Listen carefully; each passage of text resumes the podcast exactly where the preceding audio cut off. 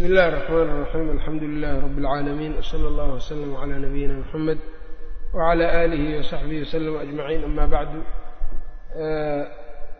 halkan in sha allahu tacaala iyadoo maanta ay taariikhda tahay labadii bisha ramadaan kun afar boqol labaatan iyo sideedda kuna aadan afar iyo tobanka bisha sebtembar labada kun iyo toddobada taariikhda miilaadiga loo yaqaano waxaan in sha allahu tacaala waxaan ku qabanaynaa kitaabkan oo magaciisa uu yahay ama la yidhaahdo ama wasiye iska ahayd awel oon kitaab ahayn wasiyat alimaam cali bn abi aalib radia allahu canhu likumayl bni ziyaad annakhaci dardaaran cali bn abi aalib radia allahu canhu ou la dardaarmay taabiciga la yidhaahdo kumayl ibni ziyaad annakhaci ayaa kitaabka uu yahay kitaabka aan akhri doono sharaxa aan isticmaalaynana wuxuu noqon doonaa kitaabka la yidhaha alqowl اlcaliyu lisharxi ahari اlimaami caliyin radia allahu canhu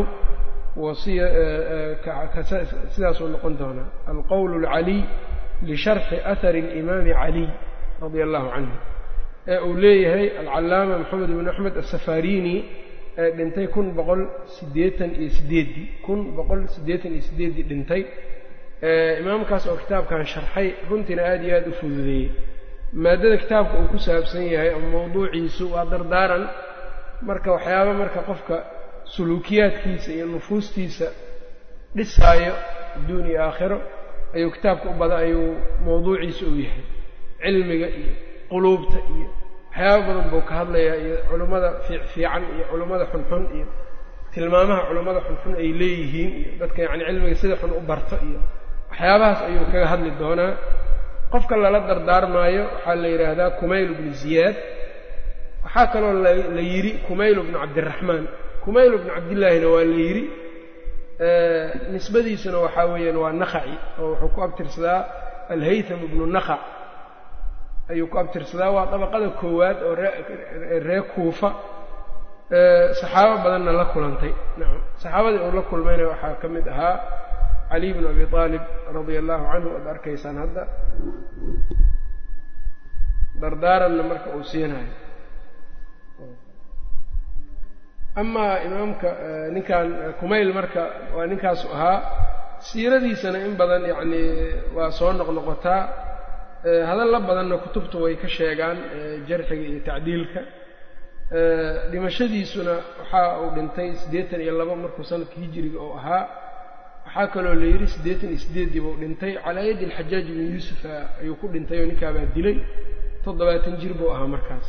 Amaa cali bn abi aalib radia allahu canhu saxaabiga la yidhaahdo fa huwa haniyun can atacriif yacnii in la tacriifiyo waaba ka deeqtoomaa oo waa raabicu khulafaa'i araashidiin khulafaa raashidiin ninkii afareeyey buu ahaa.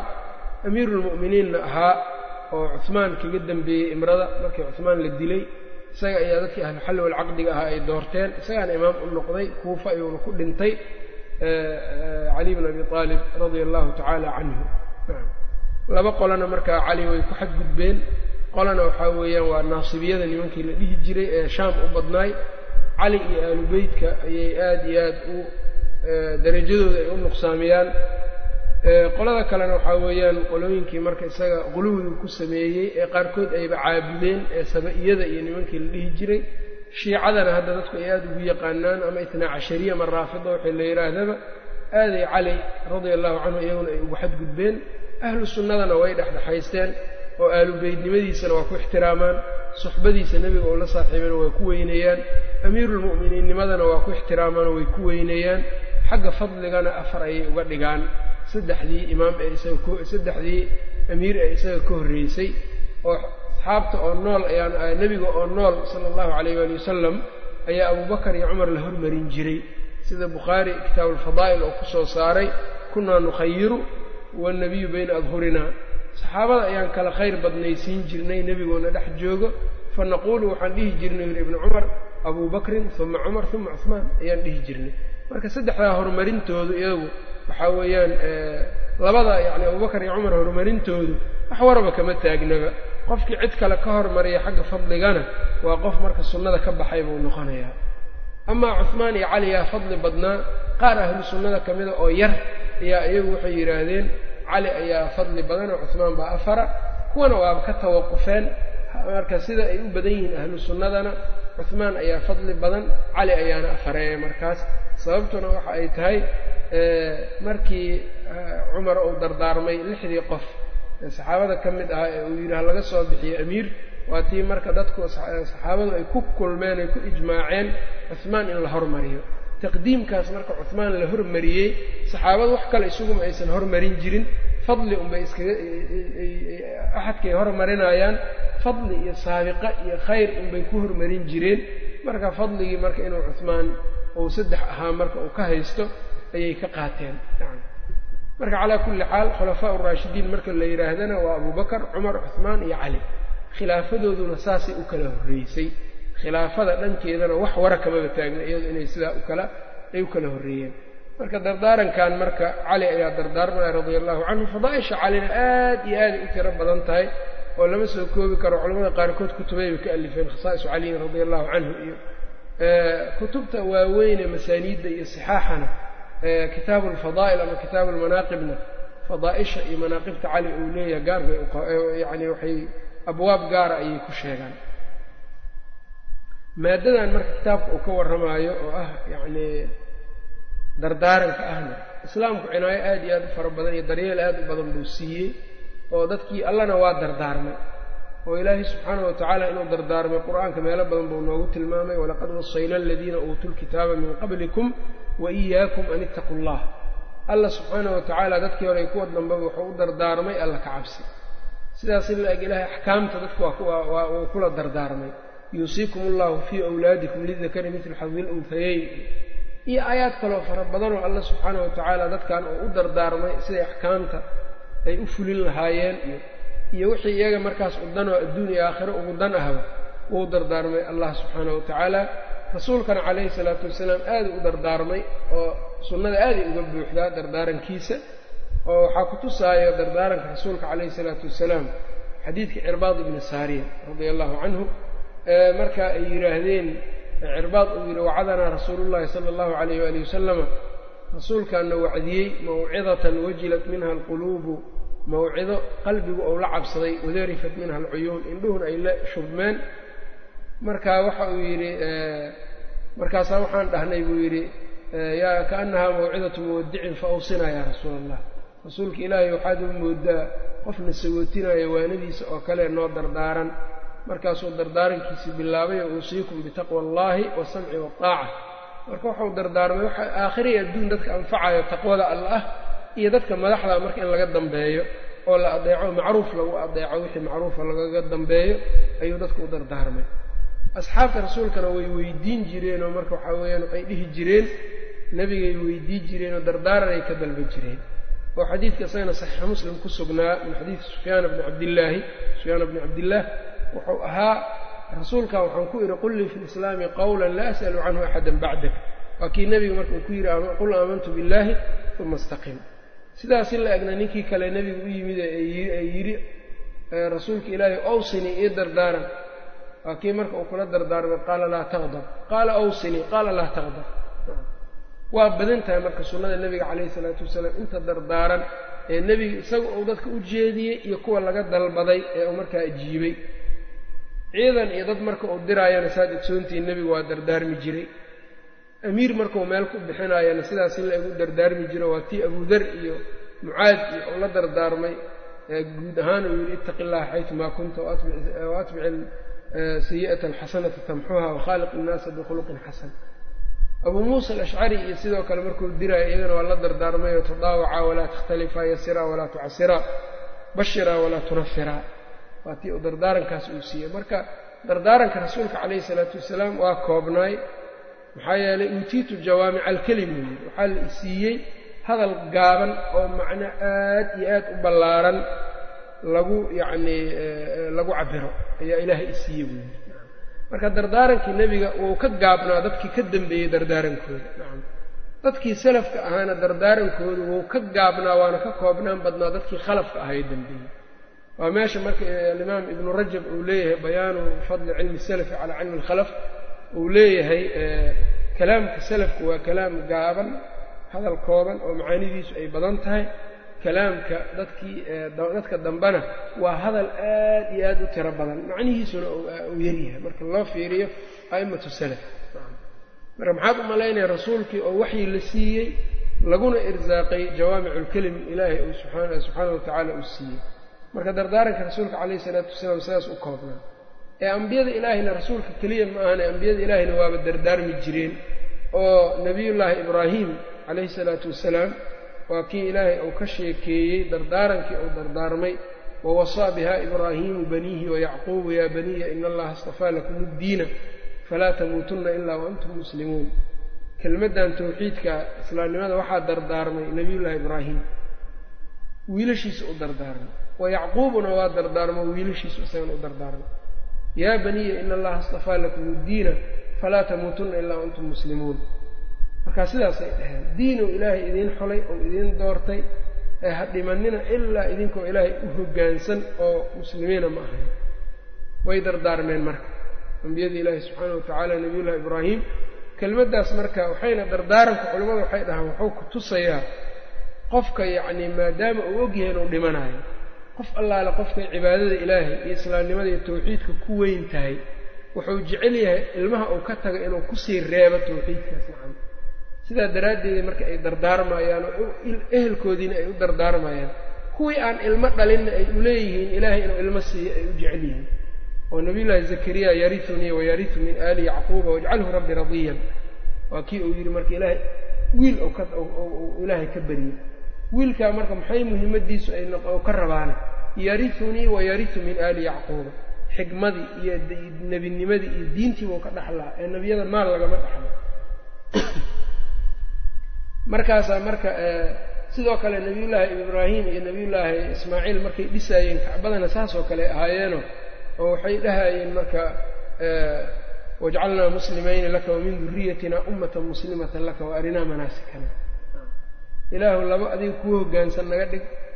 Wamin duriyatina duriyadeennana ilaahu waxaad ka soo bixisaad ka dhigtaa kuwo markaas iyagu adiga kuu hoggaansan meeshaasaa marka ibnu kathiir raximahullah uu leeyahay qofka saalixa waxaa lagu gartaa inuu jecel yahay cibaadada ilaahay qofka jecele saalixa waxaa lagu gartaa marka uu dhinto xataa cibaadada inaysan baa inaysan dhammaanin oo duriyadiisa iyo dhabarkiisa aysan ka dhammaanin buu jecel yahay sidaa daraaddeed marka ayaa xataa ay ubad ilaahay subxaana wa tacaala u hoggaansamo ay ugad ay u dalbaayaan.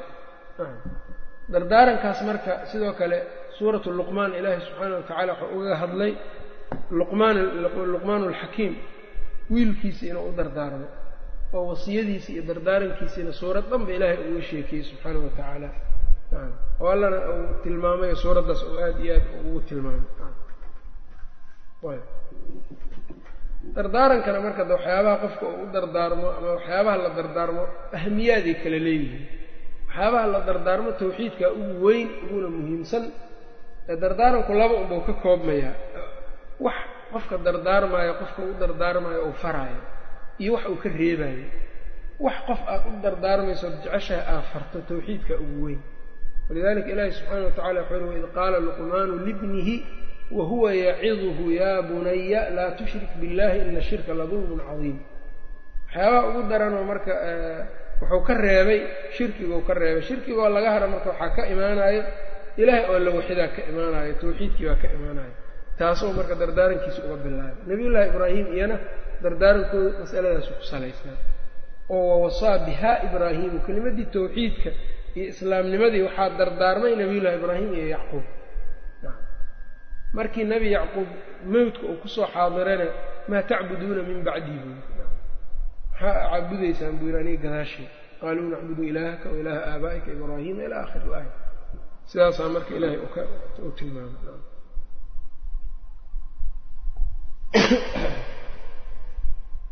Marka dardaarankaas marka sidoo kale ambiyadaas iyo dadkaas saalixiintaas saasay u dardaarmi jireen.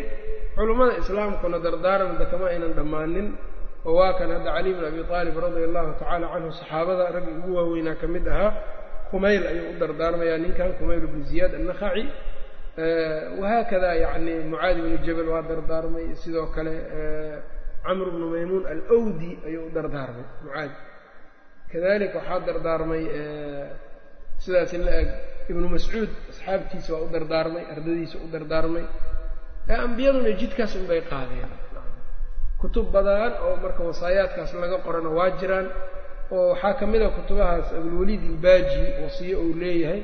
Laba wiilo ou dhalay oo u dardaarmaayo iyagoon weli qaan gaarin mas'uuliyadda marka laga sugaayo iyo waxa laga rabana uu faraayo. Wasiyadaas oo runtii aada jaamica oo ah adduun iyo aakhiraba uu soo koobay iyo say isula noolaa lahaayeen iyo waxyaabahaas oo dhan ibnuljawsi isaguna kitaab wuxuu leeyahy laftatulkabid la yidhaahdo yar wiilkii wiil ou dhalay iyo isna u dardaarmay. Cilmiga iyo daacada iyo camalka iyo waxyaabahaas uu kula dardaarmaya. Wahaakadaa marka dadka saaxiibadana waa isu dardaarmi jireen. Arday shuyuukhda iyo ardaydana waa isu dardaarmi jireen. Imaamu dahabi wasiya uu leeyahay isagana oo uu yacni kula dardaarmayo nin saaxiibkiisa ahaa uu kula dardaarmay. Marka wasaayaadka noocaas oo kale aada iyo aada u fara badan yihiin qofka muslimkaa marka waxaa la rabaa cinaayo inuu siiyo iyo daryeel. Sababtoo ah dadka qofka dardaarmaayo yacni xikmaddiisa iyo yacni cilmigiisa iyo caqligiisa ayaa waxa uu ku dardaarmayo ay ku xihan tahay dabcan. Sidaa darteed marka saxaabi ou dardaarmaayo iyo markay rag ahlu cilmiga dardaarmaayaan iyo iyo isku mid maaha marka ay dardaarmaayaan qof uun keliya adduunye tacbid yaqaano. Qofka adduunye tacbidda keliya yaqaano ilmihiisa adduunya kula dardaarmayo laakiin dadkan waxaa weeyaan marka aimadan cilmigay kula dardaarmayaan dadka. Marka qofka in dhegaha in loo dhigo marka aada iyo aada loo fiiriyo ayay u baahan tahay. Gaar ahaan wasiyadan muhimaddeeda muhimadda ay leedahay waxaa ku garanaysaa mujalladkan weyn ayaa sharxeedu uu noqday. Oo ku sharxay safarini raximahullah. Wasiyada marka xoogaa xoogaa ayaan marka u qaada xoogaagiiba marka istaagid iyo kudul istaagid bay u baahanaysaa waxa uu yidhi marka fayaquulu alcabdu alfaqiiru liraxmati rabbihi alcaliyi muxamedun asafariniyu alxambaliyu qad sanaxa fii khaladii an aktuba cala alahari almarwiyi can sayidina amiiri اlmu'miniina alimaam caliyin kitaaban mujaza yacni waxaa marka aan dihnigayga loo yani ku soo dhacday buu leeyahay oo marka ra'yiga uu ii bandhigay inaan wax ka qoro aharka uu laga wariyey cali bn abi aalib radia allahu canhu kitaab kooban ee fawaa'iddiisii marka la ururinayo. Oon fawaa'idda ka ururinayo buu leeyahay min kitaabi alimaami alcallaama shamsiddiin ibni اlqayim almacruufi bimiftaaxi daari sacaada. Wuxuu leeyahy kitaabkaas miftaaxu daari sacaadan ka ururinaa buu ku leeyahay marka fawaa'iddan waxaan aharkan ama wasiyadan dardaarankan inaan qoro ayaa ra'yigeyga ku soo dhacday fawaa'idda ku jirta kitaabka kitaab yacni kooban inaan ka qoro anoo marka waxa uu yidhi multaqadatan fawaa'iduhu iyadoo fawaa'iddiisa laga soo gurbinayo laga soo qaadayo min kitaabi alimaam imaamkii kitaabkiisii alcallaamati shamsiddiin ibn اlqayim alimaam ibn اlqayim kitaabkiisii anoo fawaa'iddiisa iyadoo fawaa'iddii fawaa'idda laga soo ururinayo kitaabkaasoo loo yaqaano miftaaxu daari sacaada. Miftaaxu daari sacaada kitaab macruuf waa isagoo saddex mujalladuu daabacan yahay iraadada iyo cilmiguuna ka hadlaa. Kitaabka isku soo duubduub labadaas mas'alu ka hadlaa. Aliraadatu waalcilmu maxaa yeeley cilmiga iyo iraadada waa albaabka yacni liibaanta laga galo. Soo ma kasin? Waana midda ilaahay uu ku ammaanay nabiyullaahi ibraahim iyo isxaaq iyo yacquub iyo lagu sheego waayo wadkur cibaadana ibraahiima wa isxaaqa wa yacquuba ulil aydi waalabsaar ulil aydi waalabsaar waxaa lagu sheegay dad karti badan oo daacada ilaahay karti u leh inay yihiin iyo dad arkid badan oo cilmi leh oo indheergarada marka cilmigiina waxbuu ku tusaa iraadadiina himmo iyo waxay ku gelinaya iyo kartiduna waxay ku gelinaya inaad cilmiga ku camal fasho. Labadaasaa marka miftaaxu daari sacaada labadaas waana midda aayadda ay sheegtay. Nebigana uu dhihi jiray xadiidkii shadaad ibni aws allahuma inii as'aluka athabaata fi اlamri waalcaziimata cala arushdi ilaah waxaan ku weydiisanaya diintan lagu sugnaado iyo waalcaziimata cala arushdi iyo hanuunka oo karti loo yeesho iyo awood loo yeesho. Soo ma kasi marka kitaabkaasaan fawaa'id badan ka soo ururina marka kitaabka juskiisa koowaad cilmiga uga hadlaayo ilaa boqol iyo dhowr boqol taqriiban fawaa'id gaaraysa oo cilmiga uu leeyahay uga hadlay kitaabkaas boqol yacni yacni faa'iido oo cilmiga fadaa'ishiisa ka mida halkaa ku sheegay kuwa kalena labada mujalladoo kalena qudrada alle iyo cajaa'ibteeda iyo in la fiirfiiriyo iyo muhimadda ay leedahay uu kaga hadlay. Nacam ayb kitaabka dhanna marka cinwaankiisa waxaa ku ishaaraya ama ku tusaayaba wuxuu yidhi bani aadamku si uu u liibaano wuxuu u baahan yahay himmatun turaqiihi wa cilmun yubasiruhu. Cilmi wax tuso iyo himo kor u qaado ayuu u baahan yahay qofka cilmi qofka wax tuso iyo himad kor u qaado. Ilaahayna addoonka himada badan waa jecel yahay oo himadiisu ay sarrayso. In allaha tacaala yuxibu macaaliya alumuur wayakrahu safsaafaha. Xadiidaas sidaas ah ilaahay wuxuu jecel yahay arrimaha sarsareeyo waxyaabaha liito xunna ilaahay subxaana wa tacaala wuu nacayaayo ma jeclo. Marka kitaabkaasaan ka ururiyeyuu ku leeyahay. Kitaabkaa keliya ma aanu ka ururinine sidoo kale wuxuu ka ururiyey sidaan sharax ku aragnay kitaabka iqaatatulahafaanka iqaatatulahafaanka laftirkiisa wou isticmaalay. Wuxuu yidhi marka kitaabku marka inaan wasiyadan wax ka qoro kitaaban muujazan aan ka qoro multaqadatan iyadoo laga soo gurbinayo fawaa'iduhu fawaa'idiisa min kitaabi alimaami alcalaamati shamsiddiin ibni alqayim almacruuf bimiftaxi daari sacaada loo yaqaano. Wa adumu ilayhi waxaan ku darayaa oon u geynayaa nukatan nuktooyin. Ayb masaa'il latiif ah oon soo bixinayo iyo wa akhbaaran iyo akhbaar iyo wa xikaayaatin iyo sheekooyin iyo wa aahaaran iyo aathaar. Tafdaxu aljummaana fi lqilaadati kuwaasoo marka waxa uu yidhi ay uu muuqanaayo tafdaxu aljummaanu uu ka muuqanaayo yacni kuusheeda iyo yani taxdeeda uu ka muuqanaayo jawharado iyo dhaldhalaal iyo qurux. Wa samaytuhu waxaan ku magacaabay bilqowli alcaliyi lisharxi ahari alimaami caliy ayaan ku magacaabay leeyahay ayb. Wacala allahi tacaala actamidu wa minhu lmacuunatu ayb. Marka aharkiibuu marka lafdigiisiibuu hormarina intaas waa iska muqadamayo isaga uu bixiyo. Walafdu lahari kamaa akhrajahu abu nucaymin fi lxilya aharka lafdigiisa wasiyada yacni siday ku soo aroortay sida uu abu nucaym alasbahani kitaabkiisa alxilya xilyat alawliya wa dabaqaat sida uu ku soo bixiyey wagayrihi can kumayl bni ziyaadin الnakhaciyi oo kaga soo saaray qaala waxau yihi kumayl akhada caliyu bnu abi aalibin radia allahu canhu cali ayaa wuxuu qaaday wuxuu qabtay biyadii gacanteydii ayuu qabtay gacantuu iga qabtay faakhrajanii wuxuu ii bixiyey naaxiyata aljabbaana waxa uu ii saaray uu ii bixiyey buu yidhi meesha yacni dadka maqbarada ee dadka lagu aasay ayuu ii kaxeeyey buu yidhi. Naaxiyata aljabbaana ilmaqbara wey meesha dadka lagu aaso. Qaamuusku saasuu leeyahay. Sidaasuu sheegay shaarixu nacam waxaa kaloo la yidhahdaa naaxiyata aljabbaana wuxuu ii saaray meesha saxraha ah bannaanka ah banka ah.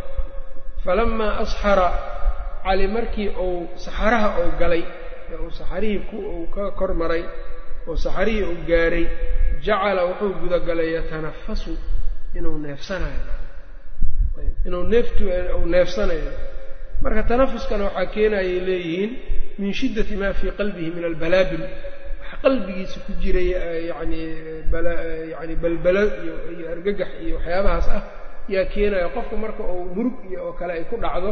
Waxay leeyiin hadduu neefsado waa waa uu waa way u fududaan waa fudayd buu dareemayaa saasuu shaarixu sheegay jacala yatanafasu uma qaal markaasuu wuxuu yidhi cali yaa kumaylu kumaylow alquluubu awciyatun quluubtu waa weelal fakhayruhaa ka ugu khayrka badan awcaaha lilkhayr waa midka khayrka weelaynta badan oo khayrka xifdin og kaasaa quluubta ugu fiican quluubtii waa weelal lagu shabahay weelashaa marka quluubta lagu shabahana waxaa u khayr badan midka khayrka xifdin og. Ixfad cannii. Waxaad iga xifdisaa maa aquulu laka waxaan ku dhahayo. Waxaan ku dhihi doonaa iga xifdi buuri wasiyadiisu marka wuxuu ku bilaabay inuu gacanta ka qabtay gaar oo ula baxay. Taa marka waxay tusaysaa cinaayo ee daryeel gaar ah ee uu siinaayo cali radia allahu canhu ninkan oo uu yacnii rabo inuu u dardaarmo. Haaniyan mar labaad haddana hadalkan kale uu ku yidhi ee uu yidhi alquluubu awciyatun fakhayruhaa awcaha lilkhayr ixfad canii ma aquulu laka. Waxa uu soo wado inay wax muhiim ay yihiin ayuu ku ishaarayaa meesha iyadana. Waxa ugu horreeya oo ka bilaabayna waxa ay noqotay alquluubu awciyatun. Quluubtu waxa uu yidhi waa weelal.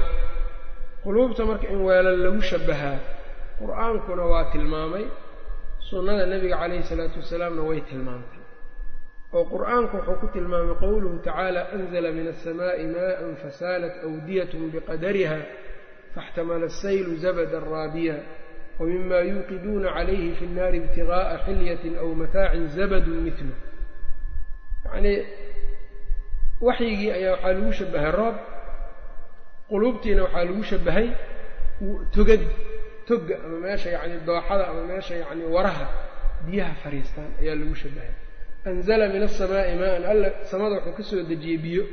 Fasaalat awdiyatun waadiyaal iyo togagay biyihii ku hoorayaan marka marka quluubtiina waa waadiyaalkii baa laga dhigay waadiyaalkii togagii waxyigiina waa roobkii. Togagu hadda marka waxaa weeyaan kuwana waa balliyadu kuwana waa waaweyn yihiin kuwana waa yaryar yihiin kuwa waaweyn waxay qaadayaan marka wax biyo badan kuwa yaryarna inta ay la-egtahay unbay qaadaysaa oo biyo ah. Quluubtuna saasay u kala gedisan tahay. Oo dadka qaar quluubtooda waa quluub wax badan xifdi karto oo weelay karto.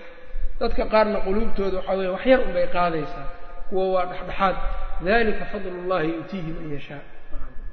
Qalbiguna xubinta ugu muhiimsan ee jirka weeyaan oo nebiga calayhi salaatu wasalaam waxa uu yidhi markuu ka hadlaya qalbiga alaa wa ina fi ljasadi mudqatan idaa salaxat salaxa aljasadu kulluhu jirka cad ayaa ku yaalla hadday hagaagto cadkaas hadduu hagaago jirkoo dhan waa hagaagayaa hadday fasaaddo jirkao dhan waa fasaadaya alaa wahiya alqalbu marka qalbigu waxaa daryeel gaar u baahan yahay hadduu isagu tooso jawaarixda u soo gudbaa nacam sidaa darteed dadka dhahaayo intay dunuub iyo xumaan iyo qaladaad iyo sameeyaan qalbigayga waa fiican yaha dhahaayo waa qaldan yihiin sababtoo ah haddii qalbigoodu hagaagsan yahay jawaarixdoodana waa hagaagayahay haddii qalbigu hagaagsan yahay jawaarixdu way hagaagaysaa oo qalbi yacnii aad u hagaagsan oo boqol kiiba boqol ah jawaarixdiina ay yacnii tabar daran tahay oo ay faasiqad tahay suurtagal ma ah walidaalika ilaahay markuu reer bani israa'iil ka hadlay oo qalbigooda qallayl oo ku tilmaamay jawaarixdoodiina inay daacadii ka baxday uu sheegay alam ya'ni liladiina aamanuu an takhshaca quluubuhum lidikri illahi wma nazla min alxaq walaa yakunuu kaladiina uutuu lkitaaba min qablu fataala calayhim alamadu faqasat quluubuhum wakatiiru minhum faasiquun quluubtoodii baa qallashay in badanoo ka midana faasiqiin ay noqdeen ibnu katiir raximah llah waxau dhahaa lamaa qasa alqalbu qalbigii markuu ama lamaa qasat ilquluubu quluubtii markay qallashay fasaqat iljawaarixu jawaarixdii daacadii ilaahay waa diiday waa ka baxday. Marka quluubtu waa waxa waxyiga xifdiyana waa qalbiga. Waxa yacni waxyiga ka miro dhalinayana qalbiga weeyaan. Sidaa darteed marka quluubtii nebigana weelal buu ku shabahay oo xadiidkii abuu muusa alashcari saxiixaynka ku sugnaa wuxuu ahaa ina mathala maa bacatani illaahu bihi min alhuda waalcilmi waxa ilaahay ila soo bixiyey oo ila soo diray ee hanuun iyo cilmi ah waxa uu yidhi kamahali kaytin asaaba ardaa waa roob dhul ku da'ay oo kale roob dhul ku da'ay oo kale weeyaan buu yidhi. Kamahali kaytin asaaba ardaa fakaana minha daa'ifatun dayibatun qabilat ilmaa'a dhulka waxaa ka mida qayb wanaagsan biyihii aqbashay. Fa anbatat ilkala'a waalcushba alkatiir. Oo markaas soo dhalisay daaq iyo yacnii iyo iyo caws fara badan daaq iyo caws fara badan soo dhalisay. Wa kaana minha ajaadibu amsakat ilmaa'a. Dhulkii waxaa ka mida dhul gawaan ah oo yacnii dhul gawaan ah oo markaasi biyaha celinaya. Biyihii bay celisay marka dhulkaas. Amsakat ilmaa'a. Dadkii baa marka ka faa'iidaystay dadkii waa ka dhaansadeen waa ka cabeen wayna ka dhaansadeen oo dadkiina xoolihiina way ka waraabsadeen qayb kalena waxa uu yidhi innamaa hiya qiicaanun qayb kalena waa dhul yacnii qiicaan ahoo yacnii aan godna ahaynoo biyihiina celinaynin waxna laa tumsiku maa-an biyana ma celinayso walaa tunbitu kala'an daaqna ma soo dhalinayso biyihii waa laqaysaa waxna ma soo dhalinayso biyana ma celinayso markaasuu nebigu waxa uu yidhi qofkii marka diinka fahmo fadalika mitlu man faquha fii diin illah kaas wuxuu la mid yahay buu yidhi qof yacni misaaladii buu dib ugu laabtay. Qofkii diinta ilaahay fahmay oo kasay facalima wacallama facallama facalima bartay wacallama dadkana baray. Wa mitlu man lam yarfac bidalika ra'saha waxaa kaloo misaalku uu keenayaa marka oo lamida qof aan korba madaxiisaba kor aan ugu soo qaadinba waxyiga meesha marka waxaa weeyaan waxyigii oo roob lagu shabahay aayaddii aayadda iyo xadiidkuba waxyigii oo roob lagu shabahay maxaa yaele roobka dhulkaa ku dhasho waxyigana quluubtaa ku noolaato iyo quluubtii waxyiga qaadaysay oo weelal lagu shabahay nacam nin kastoo marka weelka aada haysato inta uu la egyahay ayaad waxyiga qaadaysaa. Dadka sida ay dadkuna marka sida ay kale yihiinna ilaahay subxaanahu watacaala ayb. Dadku sida ay kale yihiinna ilaahay unbaa u kala gartay oo isaga cilmigiisa iyo qada yacni cilmigiisa azaliga ah ayay ku xihan tahay quluubtooda sida uu kala ahaanayo. Marka waxa uu yidhi alquluubu quluubtu awciyatun weeyaan waa weelal. Fa khayruhaa ka ugu khayrka badan awcahaa lilkhayr waa midka khayrka ugu xifdin og marka quluubtan iyada laftirkeedaade waxay u baahan tahay daraaseyn la daraaseeyo. Quluubtu saddex nooc weeyaan saddexay u qaybsantaa. Qalbun saliimun saxiixun. Qalbi saliim ah nabadgalay oo caafimaad qabo. Wa qalbun mayitun iyo qalbi dhintay. Iyo wa qalbun mariidun iyo qalbi jiran. Saddexdaasoo ibnulqayim iqaadatulahfaanka ugu qeybiyey meelihiisa hore. Waxa uu yidhi qalbiga saliimka ah ee yacni saxiixa ah. Ayb. Waa qalbiga yacni rabbigiis yaqaano. Cidaan rabbigii yani rabbigiis buu garanaa awaamirta alla subxaanahu watacaala ayuu ilaalinayaa. Waxa alla subxaanahu watacaala raalliga ka yahu dul taagan yahay shahawaadka iyo waxyaabahaasna wuu ka yacni fog yahay. Yani marka cilmigiisa iyo iraadadiisaa toosan waa qalbiga saliimka ah waa qalbi waxa xun iyo waxa wanaagsan kala garan kara. Ko wixii xumaa iyo wixii wana wixii xumaana ka fogaanayo wixii wanaagsanaana qabsanayo taasuu marka uu qalbiga yacni nadiifka ah qalbiga saliimka kaas waa waana midka aakhiro qalbi saliima qof le mooyaane qof kale uunan badbaadaynin. Oo ilaahay subxaana wa tacala uu yihi yowma laa yanfacu maalun walaa banuun ila man ata allaha biqalbin saliim qalbigaa marka saliimka waa qalbi ilaahay u nabadgalay weeyaano mutacallaq waxyaabo ku dhegdhegan oo jiidanaya ma laha. Shahwana uma qafaalna shubhana uma lug xirna qalbiga noocaas oo kale. Labadii wuxuu ka badbaaday marka labada jiro ee qalbiga ku dhacdo maradu shahwati iyo wa maradu shubha. Labadaasba waa ka badbaaday. Qalbigaas marka waxaa weeya waa qalbiga saliimka. Qalbiga meyidka ahee yacni dhintayna waa qalbiga isaga marka aan rabbina aan aqoonin awaamir allana aan aqoonin shahwadiisana ay ilaah u tahay. Ara'ayta man ittakhada ilaahahu hawaahu? Kuwii alla subxaana wa tacaala uu yidhi afa anta takunu calayhi wakiila? Markaasuu alla yidhi am taxsabu ana aktarahum yasmacuuna aw yacqiluuna inhum ilaa kalancaami bal hum adalluu sabiila. Shahawaadka iyo say u raacayaan iyo shubuhaadka yaa marka waxaa weeyaan wixii hawadooda ay tusto ayay yacnii diin ay ka dhiganayaan kuwaas marka qalbigooda marka iimaanna kuma noolaanin qalbigooda cilmigiina ma leh camalkiina ma leh.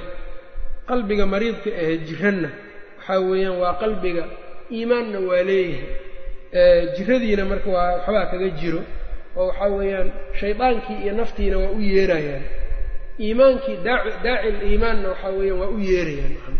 Labada markaa hadba kii joogou raacayaa markaas marna iimaankii baa ku adkaanaya marna shaydaankiiba ayaa adkaanaya saa waa marka gebi dhaclaynayaa qofkaas saddexdan nooc ee quluubtana fii suurati alxaj buu ilaahay ku sheegay subxaanahu wa tacaala qowluhu tacala wamaa arsalnaa min qablika min rasuulin walaa nabiyin ila ida tamanaa alqa ashayطaanu fii umniyatih fayansakhu allahu maa yulqi الshayطaanu uma yuxkimu allahu aayaatih wallahu caliimun xakiim liyajcala maa yulqi الshayطaanu fitnata liladiina fii quluubihim maradun waalqaasiyati quluubuhum qalbigii jiranaa iyo kii qallalay.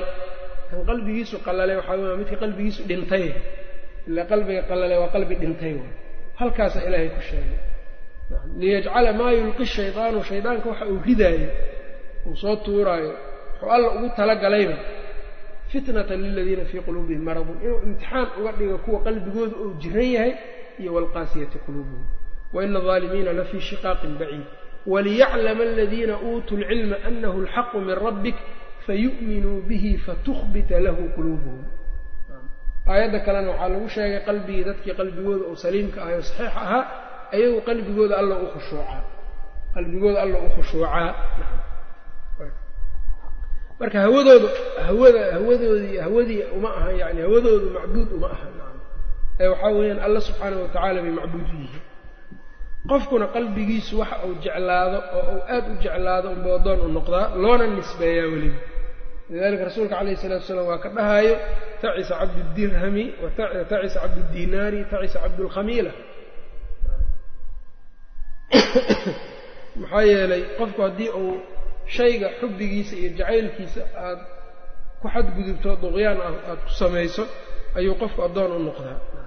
Saddexdii noocee marka quluubtu waa taasaa marka saxaabadu iyaga quluubtu afaray u qaybiyeen xudayfata bnulyamaan radia allahu canhu sida ka ansaxday oo wuxuu u qeybiyey uu yidhi qalbigu alquluubu quluubtu wuxuu yidhi qalbun ajradu qalbi dharla qalbun ajradu qalbi waxaa weeyaan waa ajrad waa dhar la-yahay wuxuu ka dhar la-yahay yacni wixii alle iyo rasuul ka soo haray. Alle iyo rasuul wixii ka soo haray waa ka dhar la-yahay oo waxaa weeyaan waxa naftiisu jeceshahay wuxuu u hogaaminayaa waxyiguu u hogaaminayaa iyo rasuulu u dhiibay yacni ayuu tashriica ka qaataa iyagoo u taxaakumaa iyaga ayuu marka u dhar la-yahay waxa uu yidhi marka alquluubu qalbun ajradu fiihi siraajun yuzhir. Wuxuu leeyahay marka faynus ifayso ayaa ku jirta. Waa cilmigi cilmiga waxbaa lagu arkaa ma ogtahay? Ayb waa misbaaxdi cilmigu marka ayuu ku ishaaraya marka misbaaxu liimaan qalbun ajradu fiihi siraajun yuzhir. Ayb marka ajradnimadiisuna marka ayuu wuxuu ku ishaarayaa inuu shubha iyo shahwo labadaasba inuu ka nabad galay. Waa marka maxaa yeelay waxyaabaha alle rasuul looga hor yimaado waa laba laba un. Imaa shahwa wa imaa shubha. Shubhada waxaa weya qofka yacni qalbigiisu inay shaki ou galo waa cudurkii munaafiqiinta ku dhacay oo fii quluubihim maradun fazaadahum allahu maradan u yiri waa waxa qalbiga yacni dadka mubtadicada waxa ku dhaco oo intaa marka intay falsafe iyo kalaam isku waalaan ayaa marka dambe shakiga ku dhacayo cudur shaki la yidhaahdaa qalbiga ka gelaya dadkan marka iyaguna marka arbaabu muluugta u badan iyo dadka u badan yacni yacni dadka asxaabu shahawaad iyaguna waxaa weeyaan cudurka qalbiga ka galaa waa shahwo shahwadaa qalbiga ka gasho oo maradu shahwa ku dhaco. Kaana ilaahay subxaana wa tacaala wuxuu ku sheegayba qur'aankoo waxa uu ilaahay subxaana wa tacaala uu yidhi falaa takhdacna bilqowli fayatmaca aladii fii qalbihi marad. Haweenkii waxaa la yidhi codkiina ha jejebinina intaad codka dhuubdhuubtaan oo jejebisaan oo aad si marka qofka shahwada cudurka shahwada la yidhaha qofka qabo ee markaa uu damac u gala marka marka marad shahwo inuu jirana alla waa noo sheegay marad shubhana waa naloo sheegay. Labadaas cudur marka maradu shubha shakiga qalbiga gala waxaa lagu daaweeyaa yaqiin. Yaqiinaa lagu daaweeyaa. Yaqiintuna waxaa u asala cilmi. Qof aan cilmi lahayn waxa yaqiin ma yeela kara. Soo ma kasi maradu shahwana waxaa laysaga xabisaa sabar. Qofka sabar inuu uu diinta u yeesho. Waana labadaas marka qofka hadduu helo yaqiin iyo sabarna alimaamatu fi ddiin ayuu gaaraya wajacalnaa minhum a'immatan yahduuna biamrina lama sabaruu wa kanuu biaayaatina yuuqinuun ilaahay wuxuu yidhi waxaanu ka wajacalnaa minhum reer bani israa'iil waxaanu ka yeelnay qaarkood iyaga a'immatan baan ka dhignay dad a'imo ah oo diinka looga daydo oo amarkeenna dadka ku hanuuniyo lamaa sabaruu goormaa a'imo laga dhigay markay safreen cani shahawaati ay ka safreen wa kaanuu biaayaatina yuuqinuun aayadaheennana ay yaqiiniyeen oo ay ka nabad galeen markaas maradkii shakiga iyo shubhada sheikhulislaam ibnu taymiya marka wuxuu dhihi jiray fabisabri waalyaqiini tunaalu alimaamatu fi ddiin. Sabr iyo yaqiin ayaa waxaa lagu gaaraa alimaamatu fi ddiin. Diinko imaam lagu noqdo. Dadkan la leeyahay alimaam fulaan iyo alimaam kada iyo alimaam kada. Iskagama aysan gaarine waxay ku gaareen bacda tawfiiq illahi labadaasay ku gaareen. Marka qalbun ajradu qalbi waa ajrado alle rasuul unba wax ka qaataa fiihi siraajun yuzhir cilmigiina waa leeyahay taa marka iyada marka saas markaasu xudayfa waxa uu yidhi fadalika qalbu lmu'min qalbigaas waa qalbiga mu'minka. Wa qalbun alaf wa qalbun aklafu iyo qalbi yacni qufulan oo daboolan. Qalbi yacni isaga dhan dahaaran oo gudahu ku jiraa daboolaa marka dhinac walba uga wareegsan fadalika qalbu lkaafir gaalka qalbigiisa weeyaan buu yidhi oo maxaa yeelay cilmigana gaalka cilmigiina ma gaaraayo iimaankiina ma leh waana midda alla subxaanah watacaala yahuudda uu ka sheegayo wa qaaluu quluubunaa gulfun ay yidhaahdeen quluubteennu waxay yidhaahdeen waa dahaaranta waa daboolan tahay labada tafsiira aayadda mid ka mida saas weya waana midda uu ka sheegay mushrikiinta waidaa qara'ta alqur'aana jacalnaa baynaka wa bayna aladiina laa yu'minuuna bialaakhirati xijaaban mastuura wajacalnaa calaa quluubihim akinatan an yafqahuuhu wa fii aadaanihim waqraa dhagahooda culaysaa saaran quluubtiina dabool waidaa dakarta rabbaka fi lqur'aani waxdahu wallow calaa adbaarihim nufuura rabbi haddaad qur'aanka ku sheegta keligiis keligii hala caabudoo kale aad tidhaahdid wallow calaa adbaarihim nufuuran waa cararaya oo ka didaaya kaasna marka waxaa weeyaan waa alqalbu alaglaf waa qalbiga marka daboolan ee dahaaran waana qalbu lkaafir weeyaan marka qalbiga isaga. Markaasuu xudayfa haddana wuxuu yidhi waqalbun mankuusun qalbi dabagedisan. Qalbi mankuus oo foorara isaga dhan oo dabagedisan. Fadalika qalbu lmunaafiq buu yidhi waa qalbiga munaafiqa kaasna. Waa qalbiga munaafiq oo allahba wuxuu yidhi famaa lakum fi lmunaafiqiina fi'atayni wallaahu arkasahum bimaa kasabuu ilaahay waa foorariye waa dabagediyey ayaga dhan waxa ay kasbadeen darteedun ay ku dabagediyey xadiidka xudayfa laftirkiisa fii saxiix muslim ku suganna fitanku qofku markay ka badato oo ka badato oo ka badato oo ka badato qalbigu waa madoobeynaysaa markay qalbiga madoobeysana wuxuu noqonayaa qalbigii waxa uu yidhi murbaadan kalkuusi mujakhiyan. Qalbi yacni isaga dhan madow oo madow cagaar oo ku jiroo kale ah kalkuusi mujakhiyan ashuun la dabagediye afka salka loo dhigay oo kale. Ashuunka haddii afka salka loo dhigo meel wax looga shuba lama helayo. Qofka markaa hadduu heerkaas gaaro macruufna ma yaqaano munkarna ma yaqaano. Markaasu wuxuu yidhi fadalika qalbu lmunaafiq carafa uma ankar. Munaafiqii waxbuu gartay oo qur'aankii waxyigii waa dhegaysanaya uma ankara haddana waa inkiray wa absara uma camiya indhow yeeshay waxbuu u jeeday uma camiya. Markaasuu haddana indha beelay. Nacam uma camiya. Ayb. Wa qalbun tamudduhu maaddataani maaddatu iimaanin wa maaddatu nifaaqin. Qalbiga afaraad waxaa weeyaan waa qalbi laba maaddo ayaa ayaa ayaa ayaa ayaa ayaa ku soo ayaa ayaa saaran. Maaddo iimaan iyo maaddo nifaaq ayaa saaran. Wa huwa limaa qalaba calayhi. Wixii u adkaada uu leeyahay marka mar munaafiqnimadii baa xag ka soo weeraraysa marna iimaankii baa xagga ka soo weeraraya. Nifaaqan lagu sheegaana dee nifaaqa camaliga inuu yahay u badan tahay.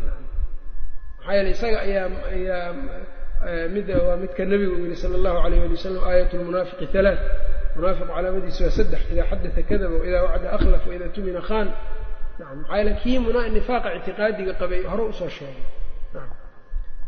Taqsiimkii hore ibnulqayim iyo taqsiimkan markaan isku fiirinana midkan iyo waxaa iswaafaqaayo kii mariidka ahaa qalbulmariidka iyo midkan dambaa iswaafaqaayo.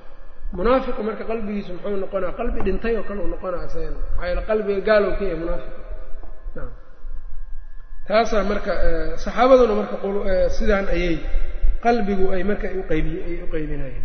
Amaa xaqiiqatu maradi alqalbi haddaan soo qaadano qalbiga jiradiisa xaqiiqadeeda waa labadii aan sheegna waxaa weeyaan waa ashubhatu washahwatu ashubhatu washahwatu weeyaan labadaasna sida laysaga celinayo waxaa weeyaan cilmi yaqiin iyo sabar yaa laysaga celiyaa yaqiintuna cilmibaa u asala sabarka laftirkiisa cilmibaa u asal ah markaa laakiin sabarku isaga wuxuu dheeraanayaa qofkii inuu daacadii ku sabro macaasidii uu ka sabro karti zaa'ida marka ku jirto walidaalika sabarka luqada sabr waxaa lagu yidhaha alxabsu naftiisu celinayo xabisaa waxyaaba ay naftu jeceshoo ka xabisaa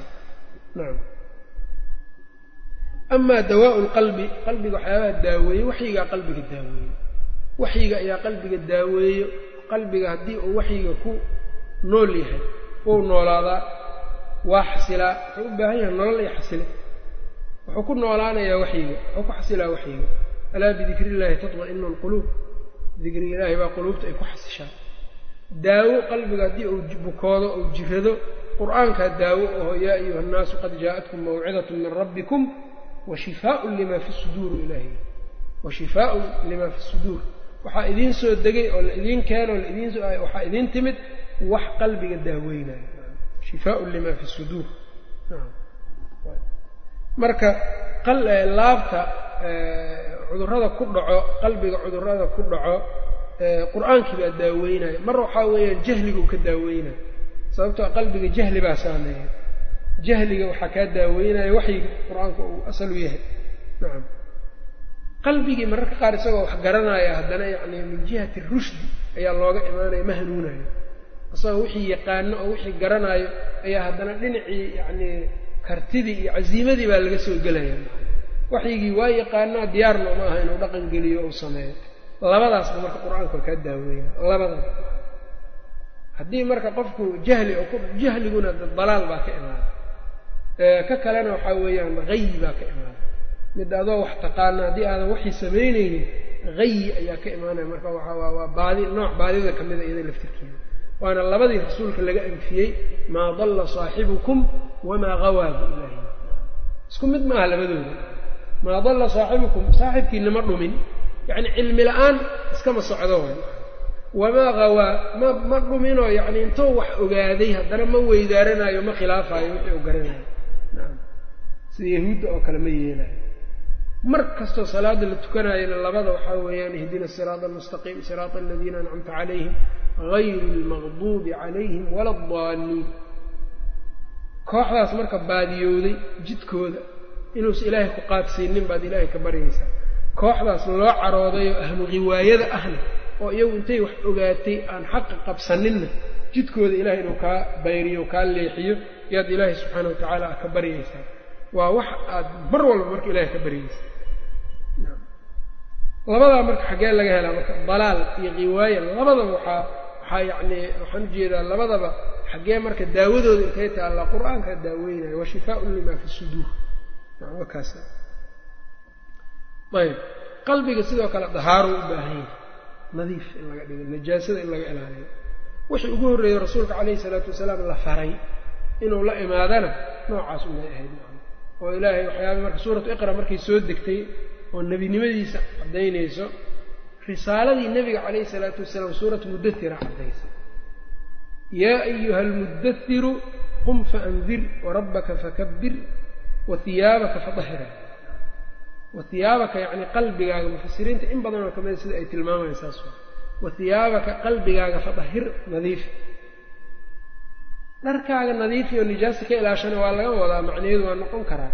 Labaduna waa iskeenaya waa iska laazimaya. Maxaa ninkii qalbigiisa nadiifiyey da dharkiisana waa nadiifinaa soo maa nacam inay labaduba islaazimayaan waxaa ku tusaayo gaaladu dharkooda ma najaas yani najaas kama nadiifsadaan maxaa le qalbigiibaaba nijaas ay ku jirtaa? Dharkiisay nijaas uga fogaana marka waa ogsoontihiin walidalika shicaaru nasaara maxaa waaye? Nasaarada shicaarkooda waa najaasa inaysan kaadida si fiican isaga mayrin aysan saxarada iska mayrin wahaakada marka qalbigoo la nadiifiyo waxaa soo gelaayo qofkii oo dharkiisana inuu nadiifsado. Marka min baab ikhtilaafi tanawuca waxaa la yidhahda maaha ikhtilaafu tadaad aha. Haddii qof dhar ku fasiraa aada aragtay haddaad aragtay mid ku fasiraa qalbigii iyo waa un ikhtilaa mid kastaa wax unbau ka cabiray oo aayaddu ay tusayso. Wa hiyaabaka fadahir marka wa nafsaka fadahirna waa lagu macnaya waa isku macno. Marka qalbigii nebiga waxaa la faray qalbigiisa inuu dahiriyo ee uu nadiifiyo. Warujza fahjurna waa loogu daro sanamka ka fogaayo ka haajiro nac oo ka dheerow waxyaabaha marka quluubta lagu nadiifiyo tawxiidka qalbiga nadiifiyo qof aan tawxiid lahayn qalbigiisii ma nadiifsana. Walidalika mushrikiinta ilaahay wuxuu yidhi yaa ayuha aladiina aamanuu inama almushrikuuna najasun falaa yaqrabu lmasjid alxaraama bacda caamihim hada nijaaso marka oo oo cayni ahaa ku dhacday. Ibnu lqayim raximah llahu tacala wuxuu leeyahay qofka marka qalbigiisa inta uu la eg yahay najaasta qalbiga uga taalo intay la eg tahayaa khizyiga iyo dulliga iyo yacnii aakhiro ku dhacayna uu ula eg yahay. Ninkii najaastiisu ay tahay najaastiisa qalbiga ninkay tahay najaas cayniya waa gaalka eh weligiis naarka mabaxayo kuwaara qofkay nijaasadiisu tahay nijaas aan cayni ahaynna oo layska dhaqi karoo la zuulin karana haddii ilaahay hadduu doonana waa iska cafin karaayo si kalaa loo nadiifina. Haddii la doonana ilaahay naartuu ku nadiifina. Ile najaastiisi najaas la dhaqi kara waa moogtahay laakiin midkan najaastiisa waa cayni oo lama zuulin kara soma kas ilaahayna subxaana wa tacaala waxuu tilmaamay yahuudda markuu ka hadlaya say diintiisa kuwa bedelo oo yacni taxriifka diinkiisa ku sameeyo markuu ka hadlayo wuxuu yidhi ulaa'ika aladiina lam yurid illaahu an yudahira quluubahum. Kuwaas waa kuwa ilaahay aanu doonin quluubtooda inuu daahiriyo. Ilaahay baanba dooninba qalbigooda inuu nadiifiyo walciyaadu billah waa qof marka qalbigiisa ilaahay aanu doonin inuu nadiifiyo. Marka qof kastoo qalbigiisu marka ay najaasi ku dhacda marka qalbigiisu dahaaro laga waayo maxaa ku dhacaya lahum fi dunyaa khizyu khizyigaas iyo marka hooggaas ayaa qofkaas asiibaya marka waxyaabahaas oo dhan marka quluubta marka dahaar dahaarada in la daahiriyo la nadiifiyo ayay u baahan tahay. Waxaa dhici karta marka qofka qalbigiisii inuu jiran yahay bal inuu qalbigiisii meyd yahay baa laga yaabaa ounana dareensanayn taana waa dhici kartaa. Bani aadamku marka badanka uu ka xanuunsado waa dareemayaan dhammaantood oo jirkiisii hadday xubini ay xanuunto waa dareemi karaan. Laakiin bani aadamku hadduu meyd noqdo ma dareemi karaa. Jirkiisa xanuun ku dhacay ma dareemi karo waa meesha marka mutanabi uu yidhi man yahun yashuli lhawaanu calayhi maa lijurxin bimayitin ilaamu maa lijurxin bimayitin ilaamu yacni qof meyda dhintay haddaad maanta dhan wax ku dhufanayso dhaawacaysa ma dareemayo. Soma kas badanka marka laakiin hadduu jirka nool yahay ixsaas uu ku jiro uu nool yahay waa dareema meeshii cirbad looga mudabo waa ka isla markaasba marka kor u qaadanaya laakiinse quluubta iyadu dareenkeeda waxay ku xiran tahay yacni qalbiga qofka yacni qalbigiisu uu dhintay qalbi inuu jiran yahay miyuu fahmaya ma fahmi karan waxa uu yahayna ma garan karaayo. Midda ugu daranna taas oo marka qalbiga inuu dhintaa la arkaa haddana maca daalika qofkiisu aanu uusan dareemin. Calaamadda marka waa maxay? Qofka yacni marka heerkaa uu gaaro. Calaamadda yacni qofka qalbigiisa asagoo jiran ama asagoo meyid ah haddana uunan dareensanayn maxaa lagu garanaya calaamad ah? Waxaa lagu garanayaa buu leeyahy alimaam ibnulqayim qabaa'ixda iyo dunuubta fawaaxishta inaysan dhib ku haynin brogramkiisa ama barnaamijkiisa inuu ka dhigtaba. Walidaalika oo arkaysaan gaalada fawaaxishta iyo yacni say ugu jiraan ugu jiraan ugu jiraan marka dambe yacni caaday ka dhiganayan marka caaday u tahay. Say caado ugu tahay ugu tahay haddana waxaa la bilaabaa in la ceebeeyo qofkii ka hadlo oo waxaan waa faaxisho yidhaahda isaga in haddana sihaamu lown in isaga loo soo jeediyey loo soo jeediyey waana wixii qowmu luud nabiyullaahi luud markuu yidhi war waxaan labadan jinsi. Yacni rag iyo rag laysuguma talagelinaya war dumarkiina raadsada markii uu yidhi maxay ku yidhaahdeen? Innahum unaasun yatadaharuuna waa dad isdahiraayo isnadiifinayo. Iyagii bayba qariibsanayaane way u arkaayo yani wax qalloocan bay u arkaayo qalbigu inuu dhintay calaamadihiisa waxaa ka mid a wixii foosha xumaa qofkan inuusan kaba xanuunsaninba kana damqaninba dunuubtana asal waxa oo marka horeba waxaa keenaba qofka waxaa laga yaaba marka hore inay dunuubtu la weyn tahay muslimka.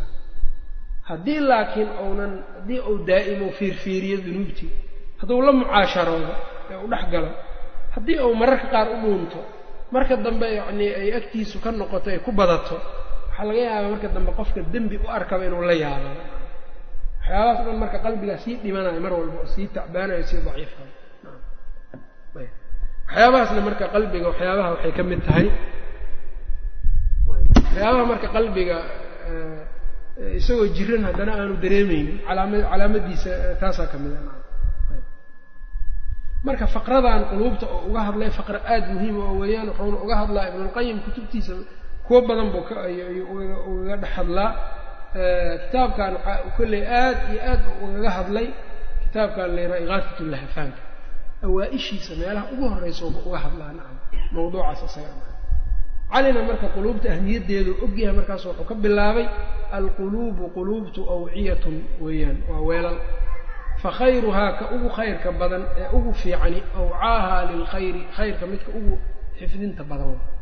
Midka khayrka ugu weelaynta badan yaa quluubtii marka waxa uu leeyahay isaga ayaa ugu fiican. Ixfad canii iga xifdi oo iga qabo maa aquulu laka waxaan ku dhahaya iga qabo iga xifdiya ogow de qofka markuu dardaaran rabo qofkau la dardaarmayo war iga qabo leeyahay oo iga xifdi iga qabo oo iga xifdi buu leeyahay. Rasuulka calayhi salaatu wasalaam waa tii uu ku yidhi ibnu cabbaas yacni inii ucallimuka kalimaatin. Kelimadaan ku baraa buu yidhi yaa ghulaam inii ucallimuka kalimaat. Kelmadaan ku baraya yacni iga qabo kelmadahaas waa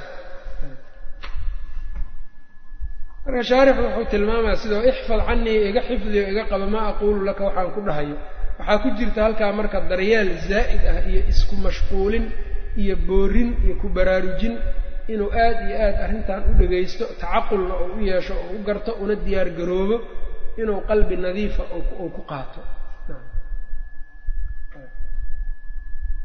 Markaasuu marka ayuu halkaasuu marka kaga bilaabayaa oo wuxuu kaga bilaabaa waanada inteeda kale oo waxa uu yidhi annaasu halaatatun facaalimun rabbaaniyun wamutacallimun cala sabiili najaatin wahamajun racaac marka cilmigii iyuu gelayaa markaas dadkii saddex qaybood buu u qeybiyey caalim rabbaaniya caalim rabbaaniya oo dadka tarbiyeynaya diinta ku tarbiyeeya cilmiga kiisa yar ku tarbiyeeya qabla kibaarihi